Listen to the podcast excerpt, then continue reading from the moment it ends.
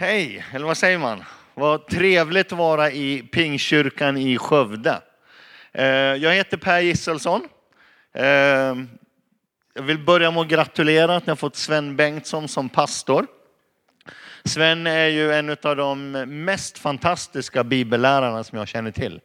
Jag brukar alltid säga det förut, jag vet inte om du kommer ihåg det Sven, att ibland när man satt på ett möte och lyssnade på Sven så kändes det nästan som att man fått ett kokstryk när man gick ut därifrån. För att hans eh, sätt att predika, att han talar rakt in i hjärtat och verkligen kommunicerar rakt in i det man behöver var ju liksom riktig, riktig smocka sådär. Eh, vi har ju, precis som Sven sa, vi har haft mycket gott ihop och mycket roligt ihop. När jag satt på tåget hit i morse så eh, satt jag på och tänkte på den här gången när vi var i USA. Vi var och besökte några församlingar i eh, USA, i Virginia, i, i, i USA. Och eh, på eftermiddagen en dag på hotellet så hade vi lite ledig tid och vi sa att vi, vi tar ett dopp i poolen. Sa vi. För vi hade ju sett någonstans att det fanns en pool där nere. Så vi satte på oss badbyxor och vi tog en handduk och så gick vi ner där till den här gymavdelningen och relaxavdelningen. Och vi mötte en kille som jobbade där och vi sa, ursäkta mig, var har ni poolen? Var är er swimmingpool någonstans? Och han tittade på oss och sa, swimmingpool? Vi har ingen swimmingpool, sa han. Men, men, vi har ju sett det någonstans här. Så vi gick vidare in i alla fall och mycket riktigt så hittade vi en liten pool där. Så vi hoppade ner i den där poolen och vi låg där och skrattade och gurglade lite grann i vattnet och, och liksom bara hade det gott och sådär. Och tyckte det luktade lite väl mycket klor där inne. Och eh, när vi gick upp därifrån sen och jag gick och duschade och jag duschade och duschade. Och jag fick liksom inte bort den här klorlukten och märkte att mina badbyxor som hade varit knallröda, de var ljusrosa nu istället. och, och liksom plötsligt så hur jag mycket än försökte liksom tvätta ut den här kloren ur ögonen så, så försvann det inte. Så jag såg knappt någonting på flera dagar. Jag var liksom, hade knappt ledsyn i några dagar där, så jag vet inte vad det var vi hade badat i för någonting. Möjligen om det var något sånt där som de du vet, doppar sängkläderna och handdukar och sånt där i liksom klorbad. Men någonting var det vi badade i alla fall. um, det är väldigt kul att vara här. Jag var här för många, många år sedan när Anders Alenius var ungdomspastor. Så var jag här och eh, predikade. Och jag kommer ihåg en lördagkväll när jag var här, det var, jag tror det var första maj när jag hade någon ungdomskonferens, eller allhelgona, nej jag tror det var första maj faktiskt. Så eh, här och jag fick alla ungdomarna som var på ungdoms... Jag fick alla ungdoms, ungdomarna som var på ungdomsmötet att ställa sig på bänkarna. Så de stod med fötterna på bänkarna och det var fullsatt här inne och det var liksom fullt blås. Efteråt så var det en av, eh, jag vet inte om han var en äldstebroder eller mötesvärd eller någonting i församlingen som kom och tog mig i örat och tog mig åt sidan och sa att så där får man inte göra här. Tänk vad, mycket, tänk vad vi har fått städat liksom alla sätena här och alla platserna där de har suttit. Och jag lovade den där mannen att jag skulle be om ursäkt offentligt på mötet dagen efter här på söndagen, men jag glömde bort det. Så att eh, jag satt och räknade ut, jag tror att det var 13 eller 14 år sedan jag var här och därför vill jag be om ursäkt idag för att jag gjorde det. um, tack för att jag fått komma tillbaka. uh, jag har ett fantastiskt budskap som jag skulle vilja dela med er idag här. Uh, vi ska se om vi får ett bibelord upp på skärmarna här, eller på skärmen. I första Mosebok så står det så här. Gud sade, låt oss göra människor till vår avbild till att vara lika oss. De ska råda över fiskarna i havet, över fåglarna under himlen, över boskapsdjuren, över hela jorden, över alla kräldjur som rör sig på jorden. Och Gud skapade människan till sin avbild. Till Guds avbild skapade han henne, till man och kvinna skapade han dem. Eh, Gud välsignade dem och han sa det till dem, var fruktsamma och föröka er. Uppfyll jorden, lägg den under er, råd över fiskarna i havet, över fåglarna under himlen, över alla djur som rör sig på jorden. Du vet, det här är ju Guds ursprungliga tanke med, med hela sin skapelse, med, med människorna. Så att gå ut, erövra, ta för dig, föröka dig, tillväxt, gör någonting. Alltså allt som är motsatsen till sitt still och gör ingenting. Så, så det, som, det som Gud tänkte redan från början, det var att ta för dig. Agera, gör någonting, se till att någonting händer. Och det betyder ju egentligen att Gud har öppnat hela världen för dig och mig. Det betyder att det finns en hel värld som väntar på dig och mig. Det betyder att det finns en hel jordklot som bara väntar på att du och jag ska ta för oss. Inte bara att vi ska eh, föröka oss, liksom, eh, multiplicera oss själva, utan också erövra, ta för oss, alltså göra någonting. Och det är någonting som jag tror det finns nedlagt i alla människor. Jag tror att det finns implanterat i alla människor. Så ibland tror jag vi måste fråga oss egentligen, vad vill du göra? Vad drömmer du om? Vad fantiserar du om? Vad, vad, vad tänker du på? Vad, vad, vad, skulle du vilja göra? När du drar täcket över huvudet på kvällen, när du har gått och lagt dig, vad fantiserar du om då? Vad finns i dina drömmar? Vad finns i dina fantas fantasier? Eh, vi lever i ett land som heter Sverige. Och I Sverige så finns det en form av en kultur och ett beteende, man kan kalla det för jantelagen och det finns många olika beskrivningar på det där. Men det är en svensk försiktighet. Då man säger att nej, men inte ska lilla jag. Nej, men, nej, men det kanske finns någon annan som kan göra det här. Och det, finns någon, det är säkert någon annan som har tänkt att göra det här. Du vet, den personen som heter någon annan skulle jag gärna vilja träffa någon gång. Han är så grymt mystisk den här någon annan personen. Jag vet inte om det är samma form av kategori av den som brukar stjäla strumpor i tvättmaskinen. Du vet den här som alltid gör att bara en strumpa försvinner.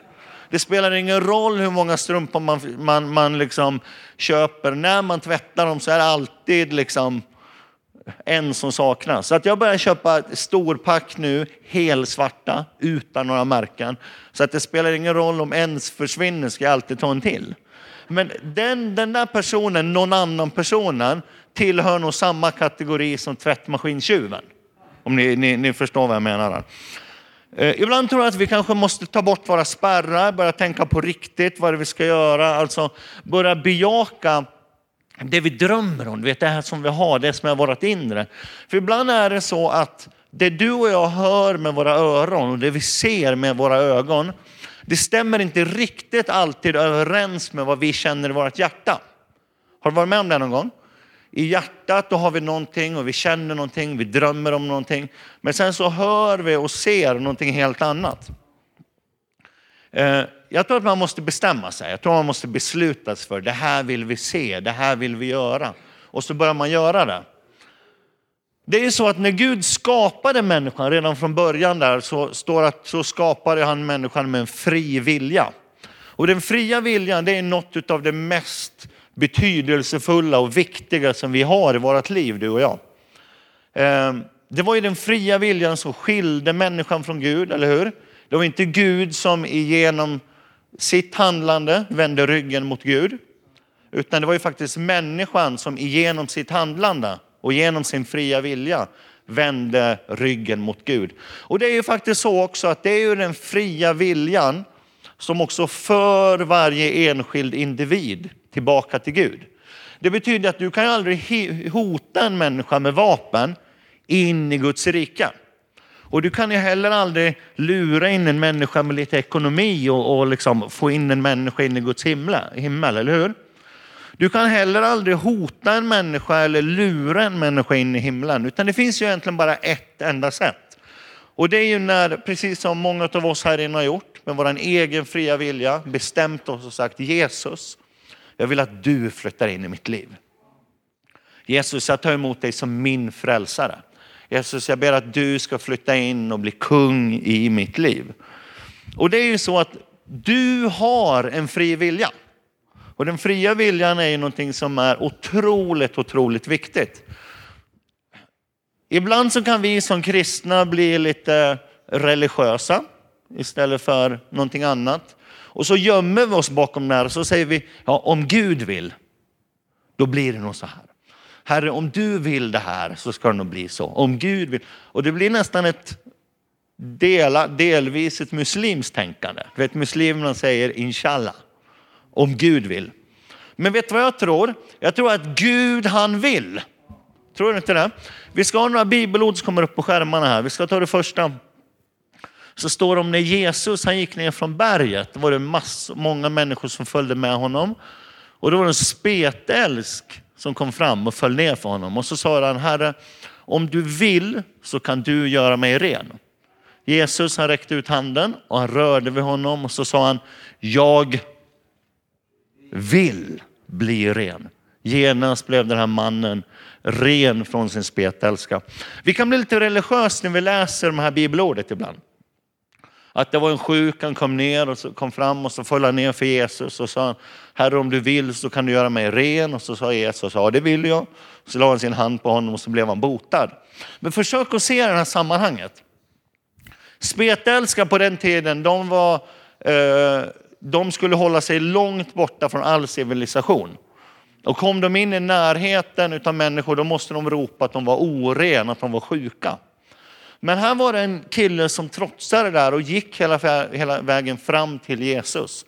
Jag vet inte om du har mött någon som är spetälsk någon gång. I Asien där jag bodde, där fanns det människor som kämpar med det här och det här är en djävuls sjukdom nämligen. Ehm, man tappar ju mycket av sina fingrar och, och liksom tänder och, och liksom mycket delar som sticker ut på kroppen. Ehm, och den, kan du se den här mannen, han kommer och böjer sig ner för Jesus och så säger han, Herre om du vill så kan du göra mig ren. Och Jesus han gör allt det där som man inte vanligtvis ska göra. Han trotsar alla de här reglerna hur man ska bemöta någon som har den här sjukdomen. Han lägger sina händer på honom så säger han, jag vill bli ren. Och då står det att genast så blev han ren från sin spetälska. Hur kan man se att någon blir ren från en sån sjukdom direkt? Jo, plötsligt kanske alla såren läkte. Kanske till och med var ett skapelseunder att fingrar kom tillbaka och andra kroppsdelar bör, plötsligt började rätta ut sig. Så Jesus han vill. Jesus vill bota sjuka, Jesus vill hjälpa dig. Vi tittar på nästa bibelord får du se från Markus 10. Nej, Matteus Eh, ja, just det. Det är jag som har skrivit fel. Det ska vara Markus 10 där. Men det... Eh, då var det vid tillfälle när Jesus eh, frågade Bartolomeus. Han sa, vad vill du att jag ska göra för dig? Den blinde han sa, Rabuini, gör så att jag kan se igen. Och Jesus han sa det, gå, din tro har frälst dig. Och genast så fick han syn och följde Jesus på vägen. Titta vad Jesus säger. Han säger så här, vad vill du att jag ska göra för dig. Han la inte bara händerna på honom och så pang så var han botad, utan han frågade honom, vad vill du att jag ska göra för dig? Vi tar nästa bibelord också från Johannes. Där står det att Jesus han såg honom ligga där och visste att mannen hade varit sjuk så länge. Då sa han till honom, vill du bli frisk? Alltså det finns en styrka i den fria viljan. Vad, vad vill du? Alltså Gud han vill. Gud vill hälsa med dig och mig. Gud han vill framgång, han vill med dig och mig. Han vill lycka och, och framtid och allt vad det liksom innebär för dig och mig. Eh, jag vet inte hur det är med dig, men jag, jag brukar fantisera väldigt mycket. När jag har gått och lagt mig på kvällarna ibland och framförallt jag inte kan sova, då fantiserar jag om att göra saker som jag inte har gjort än. Jag fantiserar om att åka till länder som jag inte har varit till. Jag fantiserar om vad jag skulle göra om jag hade så här mycket pengar. Jag fantiserar om jag skulle göra, vad skulle hända om jag gjorde det här och det här och det här och det här. Och du vet, jag tror att fantasi, drömmar, det är något som Gud har lagt ner i dig och mig. Eh, ibland tror jag vi bara måste fråga oss själva, vill du? Vill du bli en evangelist? Vill du ha mer mat? Vill du bli mätt? Vad vill du? Vad vill du när ingen annan ser dig? Jag tror nämligen att Guds vilja det är också att ge dig och mig vad vårt hjärta begär. Jag läste en fantastisk vetenskaplig studie för ett tag sedan eh, som de gjorde på ett ålderdomshem. Då satte de sig ner med alla boende på ålderdomshemmet. Alla de här människorna som hade levt ett långt, långt liv och nu var vad man kan säga slutskeendet av livet. Då satte de sig ner med en och en av de här så sa de, nu så ska vi göra en tioårsplan för ditt liv. Vad du skulle vilja göra de tio närmsta åren i ditt liv. Och där satt Agda som var 82 83 år gammal. Och så började hon plötsligt drömma. vad hon ville göra de tio nästkommande åren. Vet du vad resultatet blev på det här ålderdomshemmet? Att plötsligt börjar människor leva. Plötsligt började de människorna som tyckte att de hade levt klart, börja plötsligt vakna upp. De blev friskare, de blev gladare, de blev mer aktiva, de började tänka mer, de började drömma mer. Ehm, du vet, det finns så mycket argument för att sluta och leva för tidigt. Jag vet inte om ni har mött sådana människor någon gång som bara, du vet de slutar att leva när de har fyllt 50. Har du mött sådana människor och tycker att nu har jag levt mitt liv, nu är det färdigt. Men eh, sluta inte att leva för tidigt. När man bara pratar om de här sakerna, då finns det alltid människor som säger att ja, men du vet, ja, men jag är för gammal. Skyller på sin ålder. Ja, men du vet, det här var länge sedan nu, jag är för gammal. I min bibel då står det att de gamla ska ha drömmar. Eller också så finns det människor som säger, ja, ja, men du vet, jag är så pass ung fortfarande, jag går bara i gymnasiet och jag har inte så mycket, liksom, jag har så mycket kvar i livet. I min bibel då står det också att de unga de ska ha syner. Se saker, vad är det som händer i framtiden, vad är det som ligger framför? Jag har märkt vet, att när man bestämmer sig, det är också där ett beslut kommer. Att, att, att när man tar ett beslut, då kommer också överlåtelsen mycket starkare. Eh, överlåtelse det är något av det mest viktigaste som vi har i våra liv. När man överlåter sig, när man bestämmer sig för någonting och säger liksom att det här vill jag göra. Jag brukar ofta tänka på en gång när jag var i Ghana i Västafrika för ett antal år sedan. Eh, vi hade haft en fantastisk kampanj i eh, norra delen av Ghana i Västafrika. För mig personligen så var det en av min jobbigaste tider i mitt liv. Min pappa hade precis dött i cancer, jag hade kämpat, jag hade bett, jag hade ropat till Gud för honom. Men han hade dött ganska så, ja, dog i cancer. Och eh, vi åkte i stort sett direkt från begravningen till flygplatsen och så flög vi till, till Ghana och så hade vi en kampanj där. När vi var i Ghana på den här kampanjen så visade det sig att eh, min son Noel, han blev väldigt sjuk. Eh, vi tog honom till doktorn och konstaterade att han har fått malaria. Ehm, det slutade med att vi fick flyga honom med en eh, militärhelikopter till ett sjukhus, militärsjukhus, där de fick ta hand om honom. Och så eh, tog min fru med sig honom då och så flög de hem till Sverige och jag var kvar där i Ghana. Och jag skulle åka tillbaka upp till den här staden som heter Bolgatanga uppe i, uppe i norra Ghana. Och när vi satt i den här minibussen, eh, jag hade ju köpt en bussbiljett och en liten minibuss, så kom vi ungefär halvvägs och sen så gick motorn sönder på den här minibussen. Då. Och där satt jag, eh, jag gick, klev ut från minibussen medan jag höll på att meka med motorn. Mitt i natten så satte jag mig på vägkanten. Jag kommer ihåg, det var bara jag och stjärnorna. Jag vet inte om du har varit med om ett sånt sammanhang någon gång. Eh, jag satt där vid vägkanten, alltså mitt i ingenstans. I mörkaste Afrika tänkte jag säga, mitt i natten med bara jag och så några stjärnor. Och så bara tänkte jag på hela mitt liv, hur hela min livssituation var. Pappa hade dött i cancer, min son hade fått malaria, eh, min familj hade flugit hem till Sverige. Det var massa andra problematik också i vårt liv. Men då kommer jag ihåg att jag bara bestämde mig denna gången. Jag började viska med Jesus och bara viska med den heliga ande. Så sa jag, Jesus, jag vill fortsätta att tjäna dig. Jesus, jag vill fortsätta att tillhöra dig.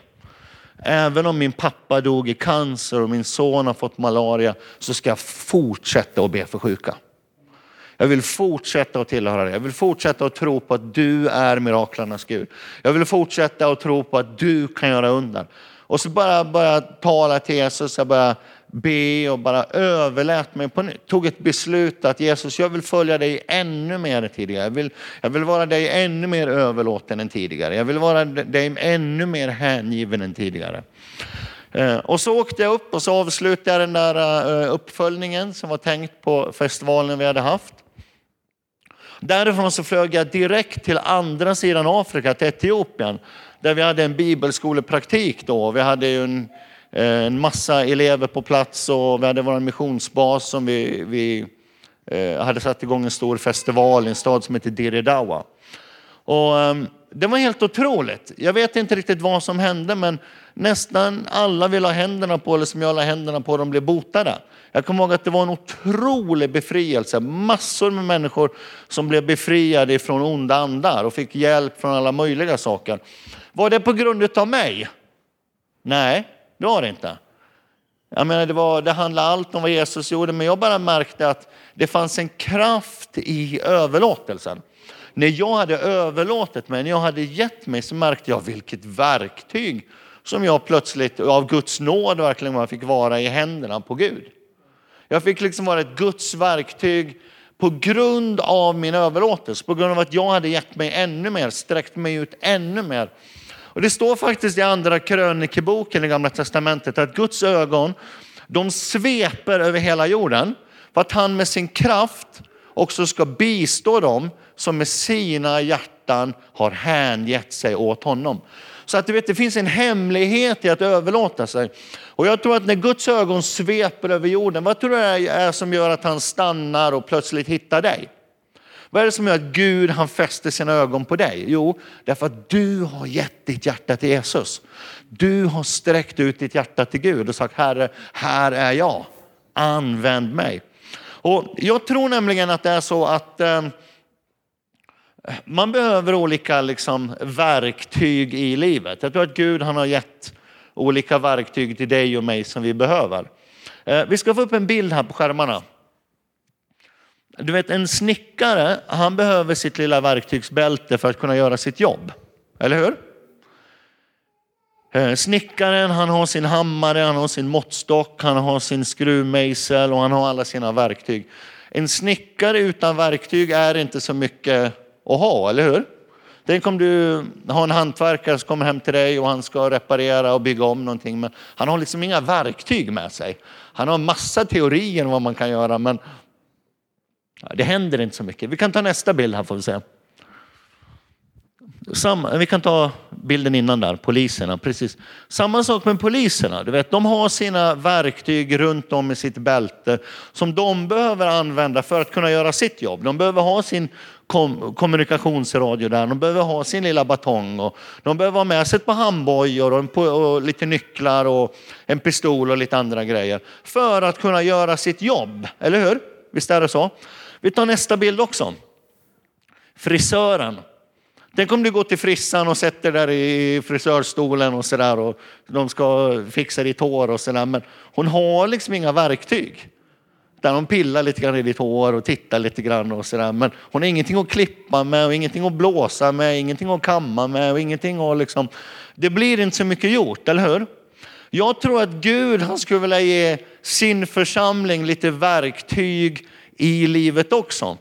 Eh, du vet, det är samma sak om vi tänker på Zlatan. Zlatan utan en fotboll är bara en kaxig skåning, eller hur? Visst är det så? Det är bara en skåning med attityder. Janne Schaffer utan en gitarr är bara en kille som gör konstiga grimaser. Eller hur? Håller ni med mig? Ja. Och, och liksom, precis samma sak tror jag med dig och mig också. Jag tror att Gud han skulle vilja ge dig och mig verktyg i livet. Mm. Så att, eh, jag har inte det bibelordet på skärmarna, men om du har din bibel med dig idag så går vi till Jeremia i gamla testamentet. Eh, jag skulle vilja presentera dig för en kille som har blivit en av mina eh, favoriter i Bibeln. Han har en fantastisk attityd den här killen. Jeremias eh, 38 kapitel. Eh, då, vi, vi kan läsa ifrån, ehm, ja, vi kan börja från vers 6. Det här handlar om när de tog profeten Jeremia och så slängde de ner honom i en brunn. För att han var inte riktigt till deras belåtenhet.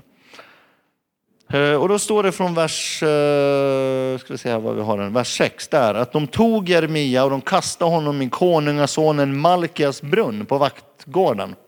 De släppte ner Jeremia med rep och i brunnen fanns inget vatten men dy och Jeremia sjönk ner i dyn. Nu kommer den här killen jag skulle vilja presentera dig för. Nubien Ebed Melek. Visst är det bara namnet är helt fantastiskt? Ebed Melek. eller hur? Ja. Nubier, det betyder att han var en etiopier. Alltså. Kan du se den här killen? Han var säkert lång, han såg säkert ut som en sån här eh, maraton, etiopisk maratonlöpare. Du vet med ett stort leende på läpparna och stora vita tänder. Alltid positiv. Nubien Ebed Melek, en hovman som befann sig i kungens hus medan kungen uppehöll sig i Benjaminsporten, fick höra att de hade sänkt ner Jeremia i brunnen. Han lämnade då kungens hus och sa kungen, min herre och konung, dessa män de har handlat illa i allt vad de har gjort mot profeten Jeremia. De har kastat honom i brunnen och där kommer han snart att svälta ihjäl. Det finns ju inte längre något bröd i staden. Då gav kungen denna befallning åt Nubien Ebed-Melek. Ta med dig 30 män härifrån, dra upp profeten Jeremia innan han dör. Ebed-Melek tog då männen med sig, gick in i kungens hus till ett rum under skattkammaren och hämtade därifrån trasor och utslitna kläder och sänkte ner dem med rep till Jeremia i brunnen. Nubien Ebed-Melek, han sa till Jeremia, lägg trasorna och de utslitna kläderna under dina armar mellan dem och repen. Och Jeremia gjorde så. Och med repen så drog de sedan upp Jeremia ur brunnen, men han måste vänta på eh, vaktgården. Jag tror att det här är en bild som den heliga ande vill visa till dig och mig idag. Om verktyg som jag tror att Gud skulle vilja ge till dig och mig. Jag tror att den heliga ande han vill visa någonting för dig och mig här idag. Den här Nubien, Ebed Melek, Etiopien, han hade ett måste i sitt liv. Han hade ett driv i sitt liv. Det fanns en drivkraft i hans liv som gjorde att han kunde inte vara tyst. Han kunde inte bara sitta still och titta. Han kunde liksom inte bara eh, eh liksom, ja, lyssna på alla andra. Jag vet inte hur det är med dig, men jag, jag brukar dela in människor i tre kategorier när jag möter människor. Vi ska se här idag nu vilken kategori som du tillhör. Eh, den, den första kategorin det är den här typen av människor du vet, som bara konstaterar hela tiden. Har du mött de människorna? När någonting har hänt, då säger de bara, jaha, mm, ja, nu har det hänt också. Ah, var inte bra. Det var inte bra att det där hände. Och sen då finns det de här som inte bara konstaterar utan de reagerar. Du vet, det är de här människorna som har väldigt mycket åsikter. Som slår näven i bordet och säger, du vet, någon borde göra någonting. Att ingen gör någonting. Någon borde se till att någonting händer. Är de lite andliga då säger de att någon borde fasta och be så det blir en förändring i den här stan. Men de vet inte vem som ska göra det. Är de, är de, är de liksom, är de in, går de inte till kyrkan, ja då skyller de på politikerna eller på, på någon annan och säger att ingen gör någonting. Någon borde se till att någonting händer. Och, vet, och sen finns det de som går ännu ett steg längre, som inte bara konstaterar och inte bara liksom reagerar och har åsikter och, och liksom tycker och saker om, grejer om, om saker och ting. Utan de går ett steg till, ett steg ännu längre. De gör, de ser till att saker och ting händer. Och det är faktiskt de som skapar en förändring i samhället, eller hur? Inte tyckarna, utan görarna. De som gör, de som ser till att nu är det någonting som händer. Och min kompis i Bibeln här, Ebed Melek, som jag tror att det är viktigt att du också blir vän med. Eh, han, han hade ett måste i sitt liv, han hade ett driv i sitt liv. Han, han liksom var full av passion, han var full av medlidande, han var full av hjärta. Och han konstaterade och förstod där att det är inte bra att profeten ligger i brunnen. Profeter de ska profetera, de ska inte ligga och svälta i en brunn. Så att han gick till kungen och så sa han, kära kung, vi har ett problem. Och så berättar han där, tömde han ut sitt hjärta, han delade sin passion, han delade sitt medlidande, han delade sitt hjärta. Och vet du vad som händer när man delar sitt hjärta och passion med någon? Du vet passion och medlidande, det är som, det är som ett eh, luftburet ebolavirus ungefär. Alltså det, det är otroligt smittsamt. Därför att när man delar passion med någon så blir, är det så lätt att den som lyssnar på passionen också blir färgad av passionen, blir smittad av passionen, också plötsligt får ett medlidande, också plötsligt får ett hjärta, också plötsligt får en förståelse. Och det var precis vad som hände med kungen här. Så när kungen fick höra här att du har rätt, det är klart att vi måste rädda killen. Så han sa, ta med dig, gör vad som, gör vad som behövs. Ta, ta med dig 30 män härifrån och så liksom, ta de verktygen ni behöver. Vad än krävs, bara få upp killen ur brunnen. Så vet du vad han gjorde? Han gick där till, till liksom, så började han gräva och så hittade han, liksom, han hittade en iPad. Nej, det var inget att ha riktigt. Han fortsatte gräva. Så hittade han en iPhone. Ja, en iPhone kan inte rädda någon i brunnen. Så fortsatte han att gräva. Så hittade han lite utslitna gamla kläder. Perfekt, de tar vi. Så fortsatte han att gräva. Och så hittade han ett rep. Perfekt. Så tillsammans med 30 män, ett rep och lite utslitna gamla kläder så gick han till den här brunnen. Kan du se när han kommer dit? Jeremia! Och långt någonstans där nere i brunnen så hör han rösten eller hör, får han ett svar av en rädd profet. Han ser honom inte, men han hör honom. Hallå!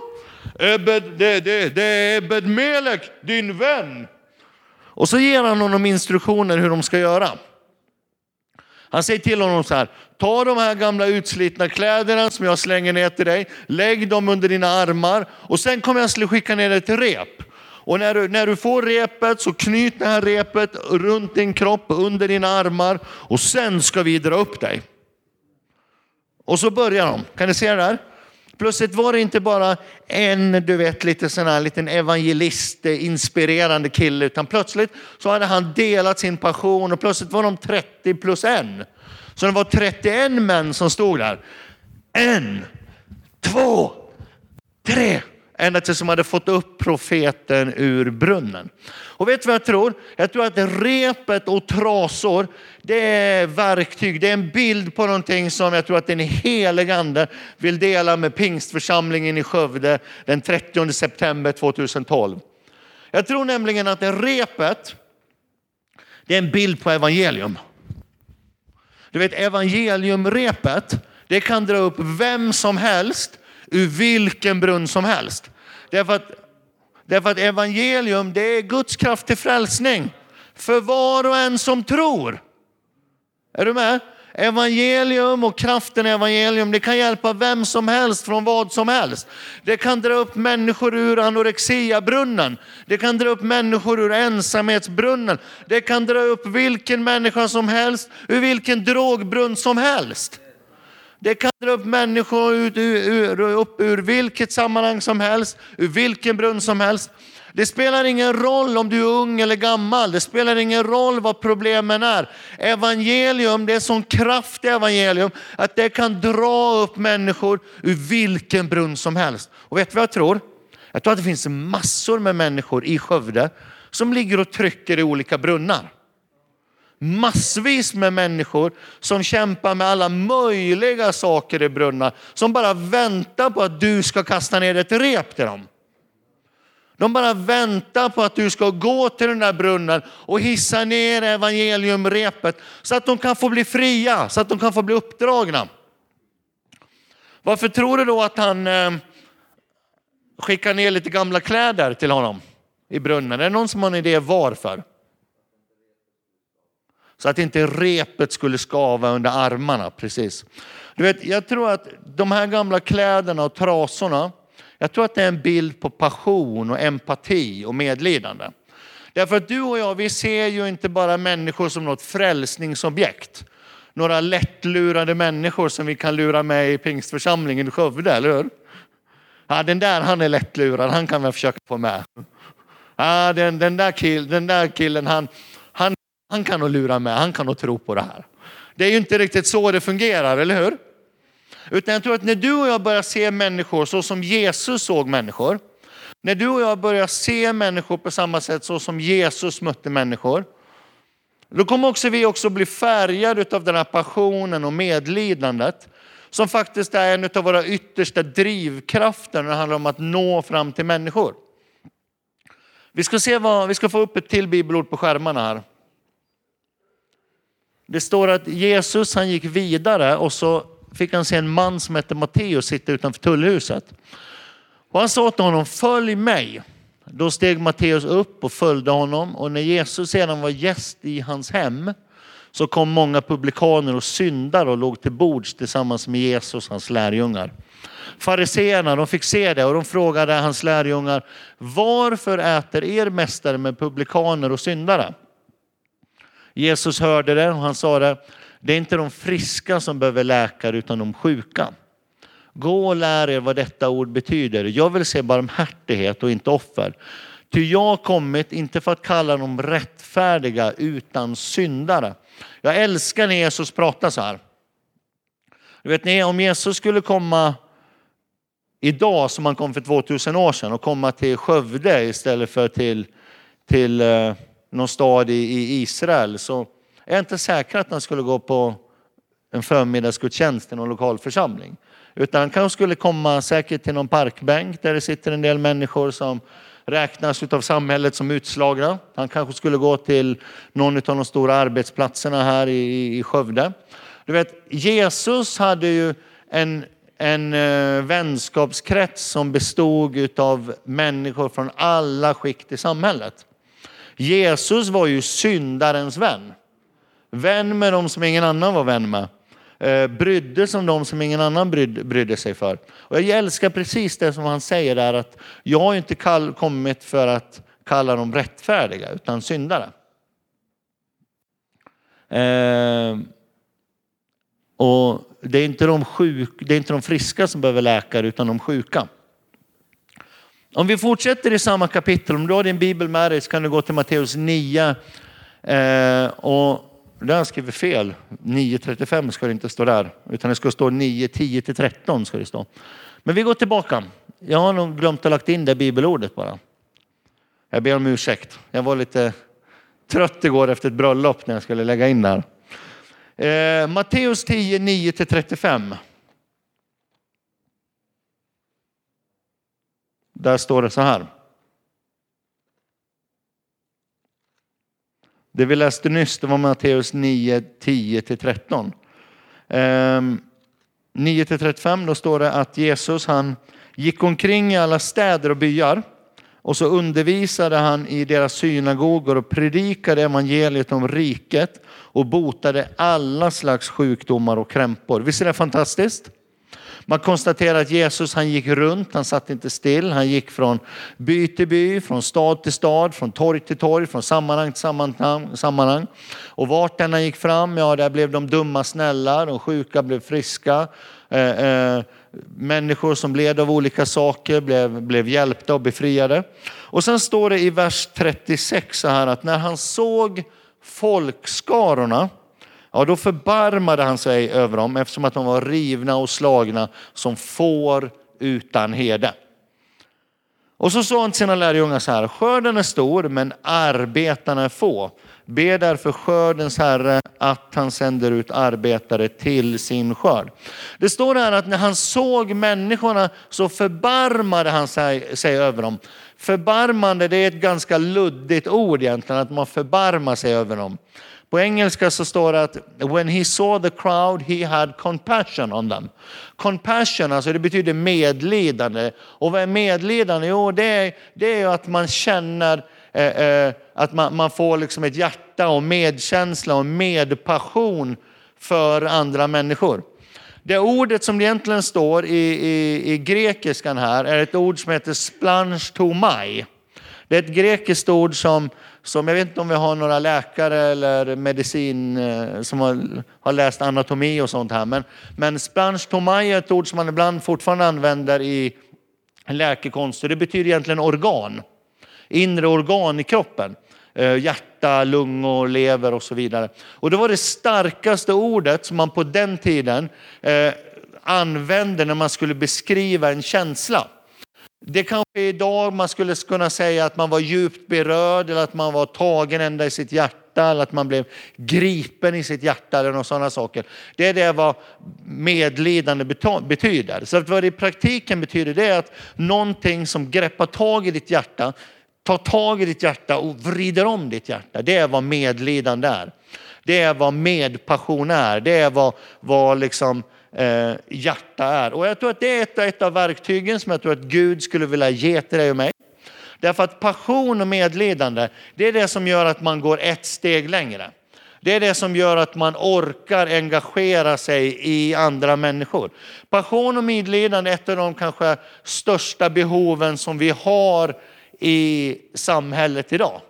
Att kunna engagera sig, bry sig, eh, eh, ta tid för andra människor. Det är nog ett av de mest betydelsefulla som du och jag behöver i vårt liv. Och i ditt verktygsbälte i livet, då tror jag att Gud han skulle vilja stoppa ner passion och medlidande, hjärta för människor i ett av de där eh, delarna som du har i ditt verktygsbälte.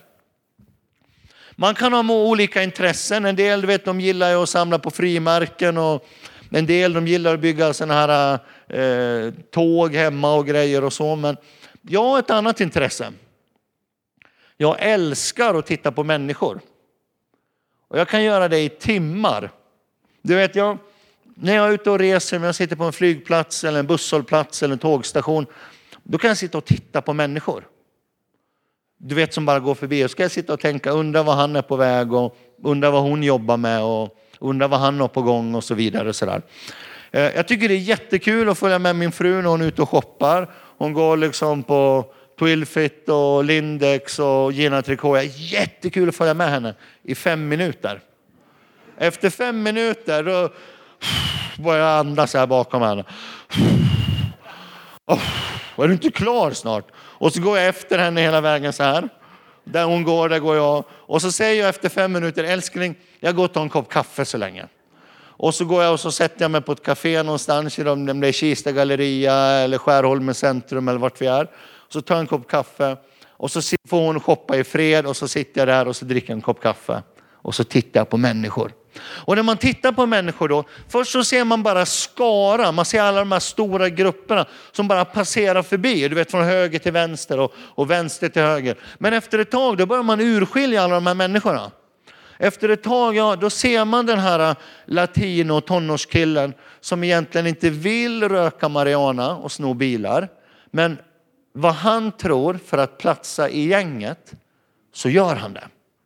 Plötsligt så ser man den här hårt arbetande eh, eh, liksom, tjänstemannen i, i sina, sina fina portfölj och som är på väg till nästa eh, möte. Och egentligen så vet han att han skulle ha varit på sin sons fotbollsträning.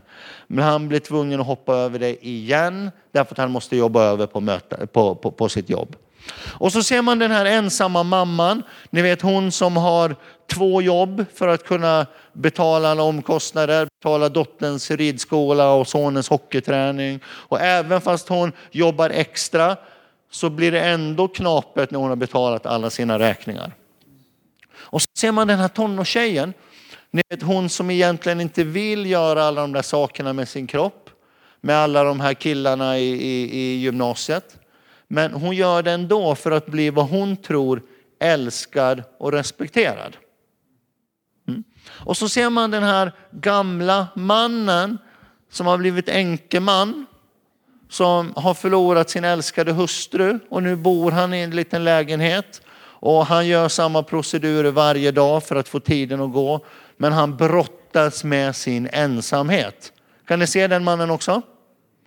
Och när jag ser alla de här människorna, då kan jag inte vara tyst.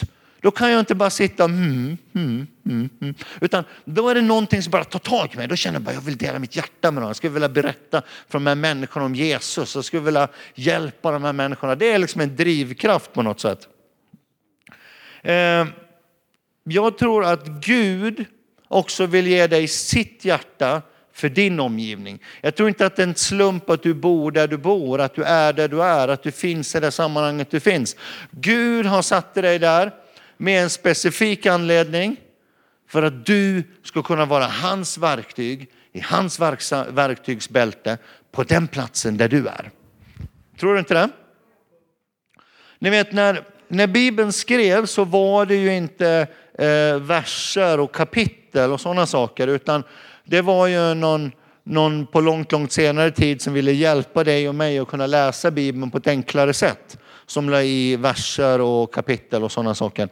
Så att det som vi nyss läste i Matteus nionde kapitel, det fortsätter egentligen i Matteus 10. Det sista vi läste i Matteus 9, det var att Jesus han sa till sina lärjungar att skörden är stor men arbetarna är få. Be därför skördens Herre att han sänder ut arbetare till sin skörd. Sen fortsätter det, vi ska ta upp det här. Då står det i Matteus 10 så här, att när han hade sagt det så kallade han till sig sina tolv lärjungar. Så gav han dem makt att driva ut orena andar och bota alla slags sjukdomar och krämpor. Samma sak står i Lukas 9, vers 1. Då står det att han kallade till sig de tolv och så gav han dem makt över alla onda andar och kraft att bota sjuka. Och han sände ut dem att predika Guds rike och att bota sjuka. Titta vad det säger. Jesus han kallade till sig efter att han hade blivit berörd av sin medlidan och passion så kallade han till sig sina lärjungar så deponerade han någonting på dem. Han investerade någonting in i deras liv. Han tog någonting som han hade och så la han det, implementerade han det in i deras liv. Det första som han gav dem, som jag tror att han också bara vill stoppa in i ditt verktygsbälte, det är kraft.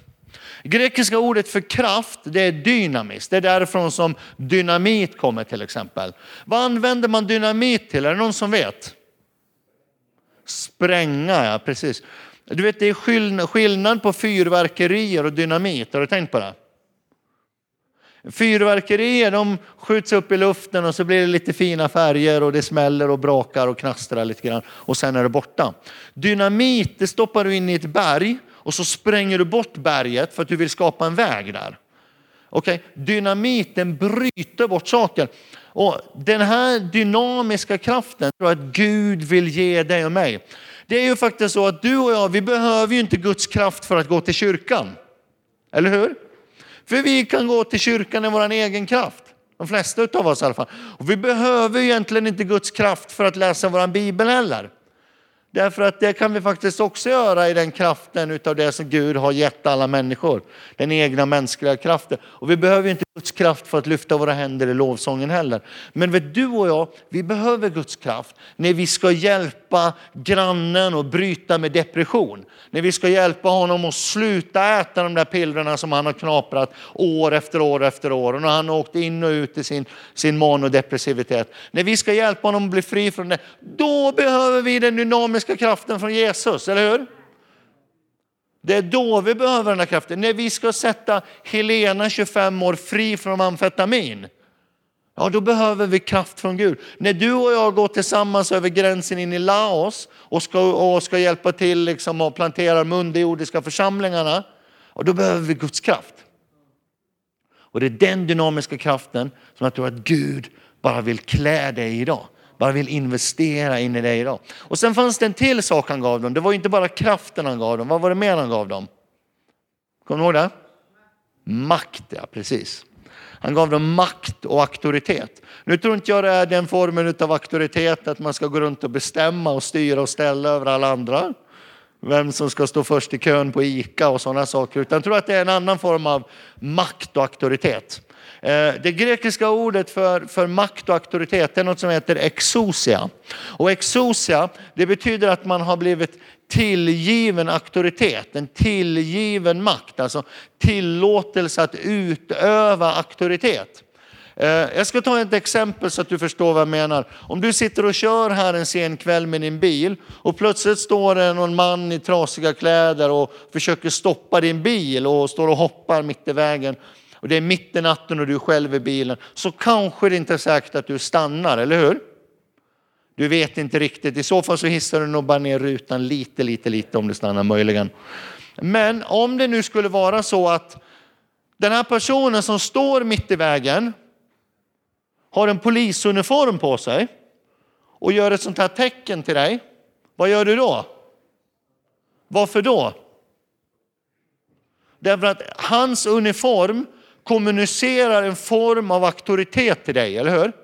Den kommunicerar och säger att han har, han har rätt ifrån myndigheter att utöva makt och myndighet och auktoritet för att du ska hålla igenom lagens ramar. Och han får faktiskt till och med skjuta sönder ditt däck om du inte stannar med den där lilla pistolen som han har i sitt, sitt liksom verktygsbälte. Och precis samma form av exosia, makt och auktoritet, så tror jag att Gud har gett dig och mig. Där du har rätt att bara bryta och, och binda och, och ta av makter som styr människor som inte syns. Och hjälpa människor in i frihet. Så jag tror att det Gud skulle vilja klä dig och mig med idag, det är passion och medlidande. Det är kraft från Gud att göra skillnad i samhället. Och sen är det makt och myndighet. Att skapa en förändring i Skövde. Jag tror att det är det som Gud skulle vilja klä dig med idag. Det är verktyg för livet. Att man blir klädd i kraft. Och vi behöver ju den här kraften för att göra skillnad, eller hur? Det sista som Jesus sa Eh, efter att han hade uppstått från de döda, innan han for upp tillbaka in i himlen och satte sig på Guds högra sida. Då samlar han sina närmsta medarbetare, sina lärjungar. Så berättar han för dem så här att när den helige ande kommer över er, då ska ni få, nu kommer det igen, kraft, dynamisk kraft, till att bli mina representanter, till att bli mina språkrör, till att bli mina arbetare. I Skultorp, i Skövde, i, i Tidaholm och ända till jordens yttersta gräns. Visst är det fantastiskt, eller hur? Och du vet, det där när man pratar om kraft ibland, ibland så tänker man bara att det är den här kraften man kan känna i kyrkan ibland. När det rycker i armarna och man skakar och man ramlar och sådana saker. Men, men det är inte riktigt den kraften vi pratar om. Det är inte fyrverkerikraften när det kittlar i magen, utan det är den dynamiska Jesuskraften som gör skillnad i samhället. Är du med? Som, som skapar en förändring. Och den kraften, det är de som är görare, de som är doers, de som ser till att någonting händer.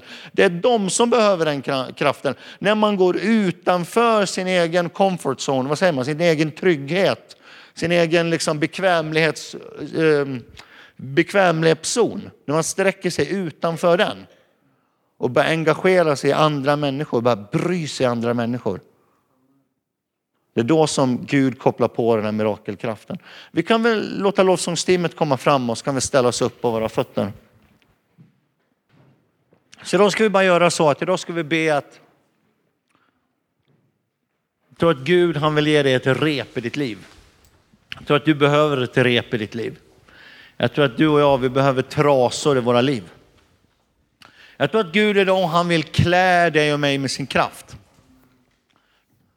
Jag tror att Gud, han vill klä dig med sin makt och sin myndighet idag. Till att bli hans arbetare, till att bli hans representant. Du kan bara spela på pianot där om du vill. Så ska vi bara göra så nu att om du vill sluta i dina ögon så går det bra. Om du vill blunda tillsammans med mig. Så ska vi bara börja be tillsammans nu. Tack Jesus att vi får komma inför ditt ansikte den här förmiddagen. Jesus, den här morgonen så sträcker vi ut våra hjärtan och våra innandömen inför dig. Tack Jesus att du den här dagen, den 30 september i Pingkyrkan i Skövde, vill klä ditt folk vill investera och bekläda ditt folk med din passion och ditt medlidande. Jesus, hjälp oss att se människor så som, så som du ser människor. Herre, sätt på oss dina glasögon så att vi kan börja se människor så som du ser människor. Jesus, hjälp oss att se individer som, som du har gett oss, människor som vi har runt omkring oss. Med dina ögon. Herre, ge oss ett hjärta och ge oss ett blödande hjärta, en passion och ett medlidande för, för Skövde. För varenda bostadsområde. För de som bor i Ryd och de som bor i centrala Skövde och de som bor i alla utkanterna. Herre, tack att du bara kommer in på varje nivå. Att du bara kommer in i varje del i samhället i Skövde. Fader, nu ber jag att du ska också bara utgjuta din kraft. Du ska klä den här församlingen med din kraft. Herre, tack att du kommer med en dynamisk kraft. Herre, tack att du kommer med, med, med en dynamisk kraft till den här församlingen. Tack för en mirakelkraft. Herre, tack för kraften i evangelium. Herre, tack att vi bara får ett rep i vårt liv.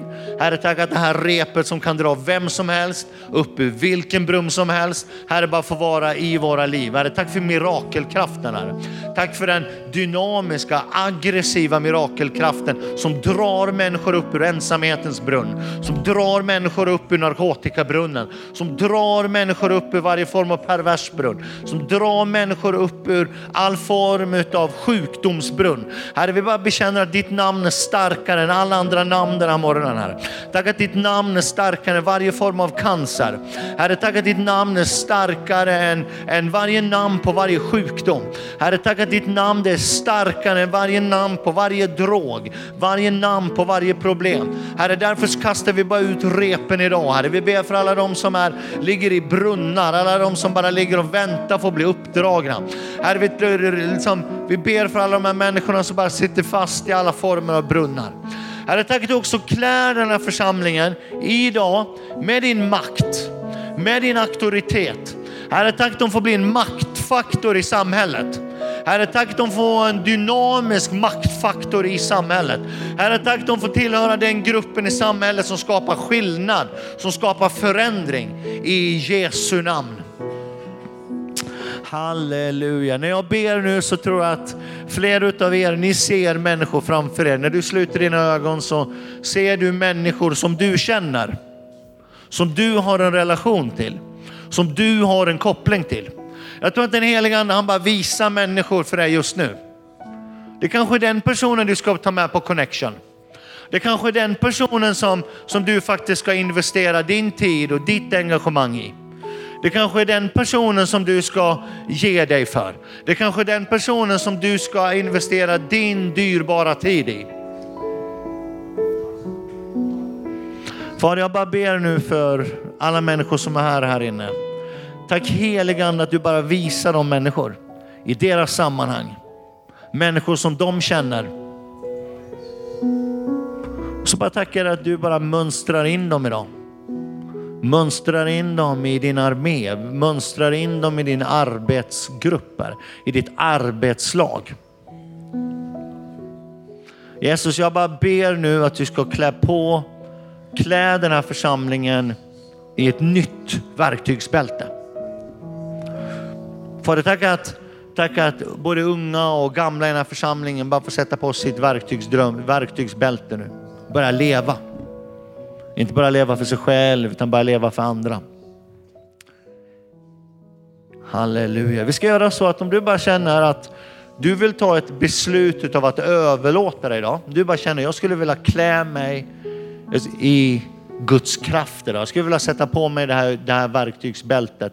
Jag ska inte göra det luddigt för dig, utan du som bara känner att jag behöver de här sakerna i mitt liv. Jag behöver, det här är en uppenbarelse för mig och jag behöver ha det här i mitt liv. Då lämnar du din plats och så kommer du fram och så ska vi lägga händerna på dig. Så ska vi be tillsammans med dig.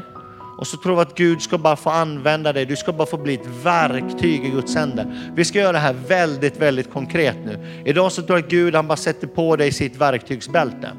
Det spelar ingen roll om du är liksom, vilket årtal du är född, om du är född på 30, 40 eller 50 eller 90-talet. Det spelar liksom ingen roll idag. Utan idag så tror jag att Gud han ska bara få klä dig i sin passion, i sin medlidande. Du kanske är som den här kvinnan som jag mötte en gång eh, när jag predikade nere i Småland som sa att hon hade inte tid att engagera sig i sina grannar och arbetskamrater. Hon hade så mycket att göra med sin trädgård. Hon var så upptagen med deras sommarstuga och, och, och hon, hon gillade att odla blommor och växter och sånt där. Så hon hade inte tid. Det kanske är så att du kommer på dig själv att du har egentligen inte tid. Men du konstaterar att du behöver kanske omprioritera. Och inte bara leva för dig själv utan bara leva för andra människor. Att du är den som ska kasta ut repet. Det är du som ska dra människor upp i brunnen. Det är inte bara liksom församlingens pastorer och församlingsledning som gör det, utan jag tror att du kan nå ut till de människorna som du känner. Så idag så mönstrar Gud in en ny armé utav skördarbetare i Skövde. Så om du lämnar din plats och kommer fram så ska vi be tillsammans med dig. Så kan, kan lovsångsteamet bara börja sjunga tillsammans här. I Jesu namn. Tack Jesus.